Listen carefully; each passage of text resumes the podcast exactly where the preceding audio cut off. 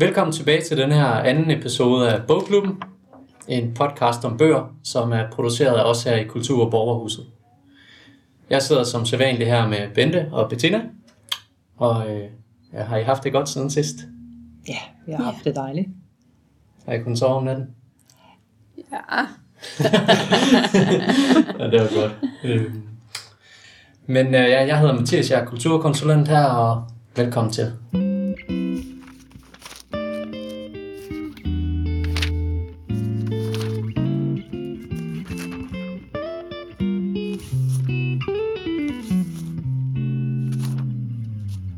Er der en af jer, der har mod på at starte med jeres boganbefaling? ja skal jeg starte i dag? Ja. Ja, jeg har ja. læst en krimi Ja. af en amerikansk forfatter, der hedder Karen Dionne, og bogen hedder Dønkongens datter. Og titlen er taget simpelthen fra H.C. Andersens eventyr, Ja. som har inspireret bogen, og der er også nogle øh, tekstklip i bogen fra Dønkongens datter. Den starter med, at hovedpersonen, som hedder Helena, hun hører øh, at en farlig fange er undsluppet, og hun kan så regne ud, at det er hendes egen far, det drejer sig om. Og hun har selv været med til at få ham fængslet 13 år tidligere. Og fra den episode, der krydsklipper bogen frem og tilbage mellem fortid og nutid, og vi hører om hendes meget specielle opvækst, øh, som hun faktisk aldrig har fortalt om til sin egen mand og sine børn. Hun har en meget speciel forhistorie af hendes øh, far, som nu er undsluppet. Han er indianer og naturmenneske. Han kidnappede hendes mor, da moren var 14 år. Og de bosatte sig langt ude i midt-USA i en ufremkommelig vildmose, fuldstændig isoleret. Hun så faktisk ikke andre mennesker, før hun har været en 8-9 år, hvor de tilfældigt så nogen i det fjerne, og så ellers ikke nogen. Øh, hun lærer en masse om vildmarkslivet af sin far. Det er jo spændende. Men moren er meget kude, meget apatisk.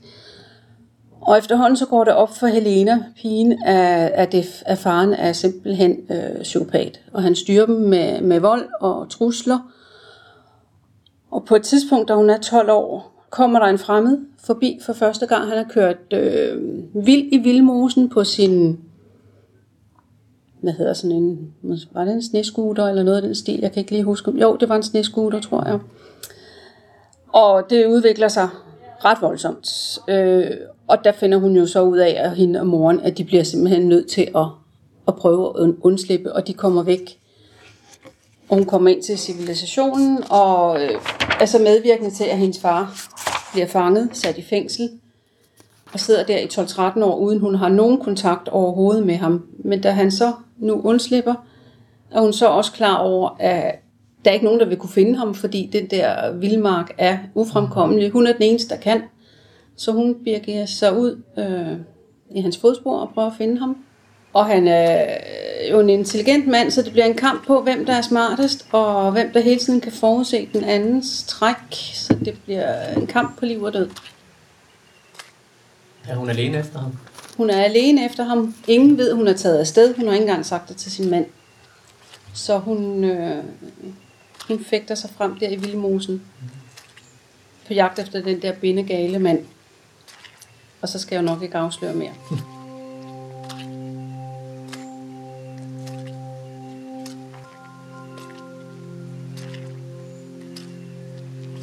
Den er meget spændende, og den er fascinerende skrevet, og man bliver fascineret af den der vildmarkshistorie, og det der isolerede liv, de har haft. En fuldstændig gedin spændingsroman.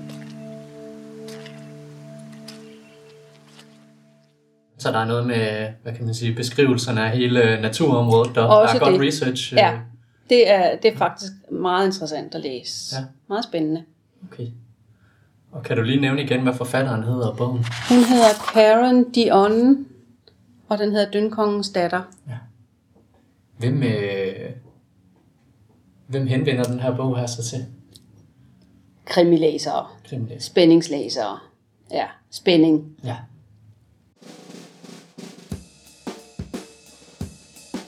Og det er noget med, at øh, Bettina, du har også en krimi med til os i dag. Ja, jeg har også taget en krimi med i dag, eller måske nærmest øh, en thriller. Det er den danske forfatter Michael Larsen, der har øh, skrevet anden del af en serie, som startede med den første del, der hed øh, Mordet på øen. Den her, den hedder så Dødens Kode, og den øh, tager fat der, hvor øh, den første slutter. Michael Larsen, han øh, bor selv på Ærø, hvor en del af øh, hvor en del af handlingen udspiller sig. Han har skrevet øh, krimier før, og haft en lang periode, hvor han så ikke har skrevet krimier, hvor han har skrevet noget faglitteratur, blandt andet om Ærø. Og han fik et rigtig stort comeback med mordet på øen for et par år siden. Og denne her følger så som sagt op på, på den historie, som også havde en masse løse ender. Jeg vil ikke sige, at den her slutter med færre løse ender. Måske gør den, og måske gør den ikke. Den, øhm, det er sådan en, øh, en bog, hvor man skal holde tungen lige i munden, fordi der sker en hel masse, og der er enormt mange personer, og nogle af navnene kan godt minde lidt om hinanden. Øh, jeg havde i hvert fald lidt, lidt svært ved at, at, at finde tråden i den, måske fordi at det er lang tid siden, jeg har læst første del, og den skulle man helt sikkert have genlæst inden. Han har været øh, meget venlig at skrive et lille resume af, af den første bog i starten af denne her Dødens Kode, og det, det hjælper noget på det. Det handler om, øh, om terror. Om det her uforudsigelige, der, øh, der kan ske. Og kan slå ned hvor som helst, når som helst, uden at man, øh, man rigtig ved det. Det er super uhyggeligt. Det starter med et øh, mor, der bliver begået, eller er blevet begået på Ærø. En 14-årig pige er blevet øh, slået ihjel og bliver fundet. Og der er ligesom nogle, øh, nogle budskaber fra morderen på hende og på det sted, hun bliver fundet.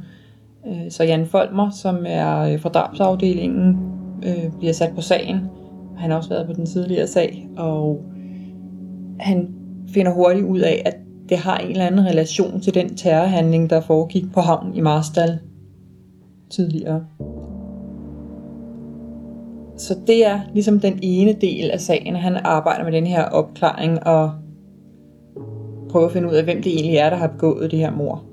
Samtidig følger vi øh, Charlotte Monson, som har været journalist og boet på Ærø, og som er gambler øh, i stor stil, spiller øh, og kan ernære sig ved det, men som også har haft en, øh, en kæreste, som har været udsendt, og som nu er efter hende på grund af en eller anden form for viden, som hun sidder inde med. Og der er måske også andre efter hende, så hun er på vild flugt øh, og prøver at finansiere sin flugt, blandt andet ved at spille. Så der er sådan flere spor, som denne her øh, thriller kører i. Den, man mærker også, at blandt andet politiets samarbejde med PET er problemfyldt, eller i hvert fald udfordrende. Så der, der, der er mange elementer i den her. Men det er sådan en, øh, det er sådan en hvor man skal holde tungen lige i munden. Og, ja, man skal, man skal ikke øh, dele den op i for små bidder. Man skal helst læse den i, sådan, i et godt stræk. Er det frustrerende, øh, at der er så, så stort persongalleri og sådan en forhistorie, der måske også er kompliceret? Jeg tror, det var mest frustrerende, fordi det var lang tid siden, jeg havde læst første del. Hvis jeg havde læst den lige inden, så mm. tænker jeg, så har jeg bare pløjet igennem den her. Men nu tog det mig lidt længere tid, fordi at der var så meget, jeg lige skulle okay. uh, bladre tilbage, og hvad var nu det? Og, ja. Hvordan er hans øh, sprog og sådan? Og... Men jeg synes, han skriver utrolig godt. Ja. Han har et godt sprog, og der er et godt flow i det. det øh, han er en god forfatter, helt sikkert.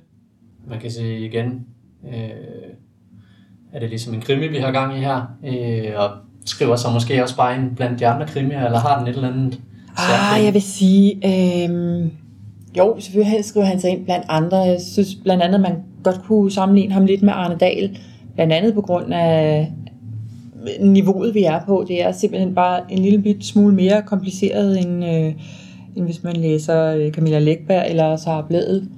Der er meget mere, mange flere tråde at holde fast i, så alene det gør, at han ligesom hæver sig lige lidt over gennemsnittet. Jeg synes også godt, man kan sige, at det, at det måske lidt er en, en mandebog. Jeg tænker, det er noget, der øh, måske tiltaler flere øh, mandlige krimilæsere end kvindelige.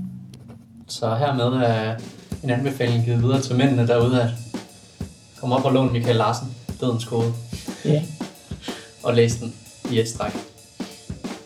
Ja, det var vel egentlig taget det hele for i dag. Øh, Så er der bare tilbage at sige tak, og vi ses igen om et par uger. Hej til Bente og Bettina. Hej til Hej. dig, Mathias.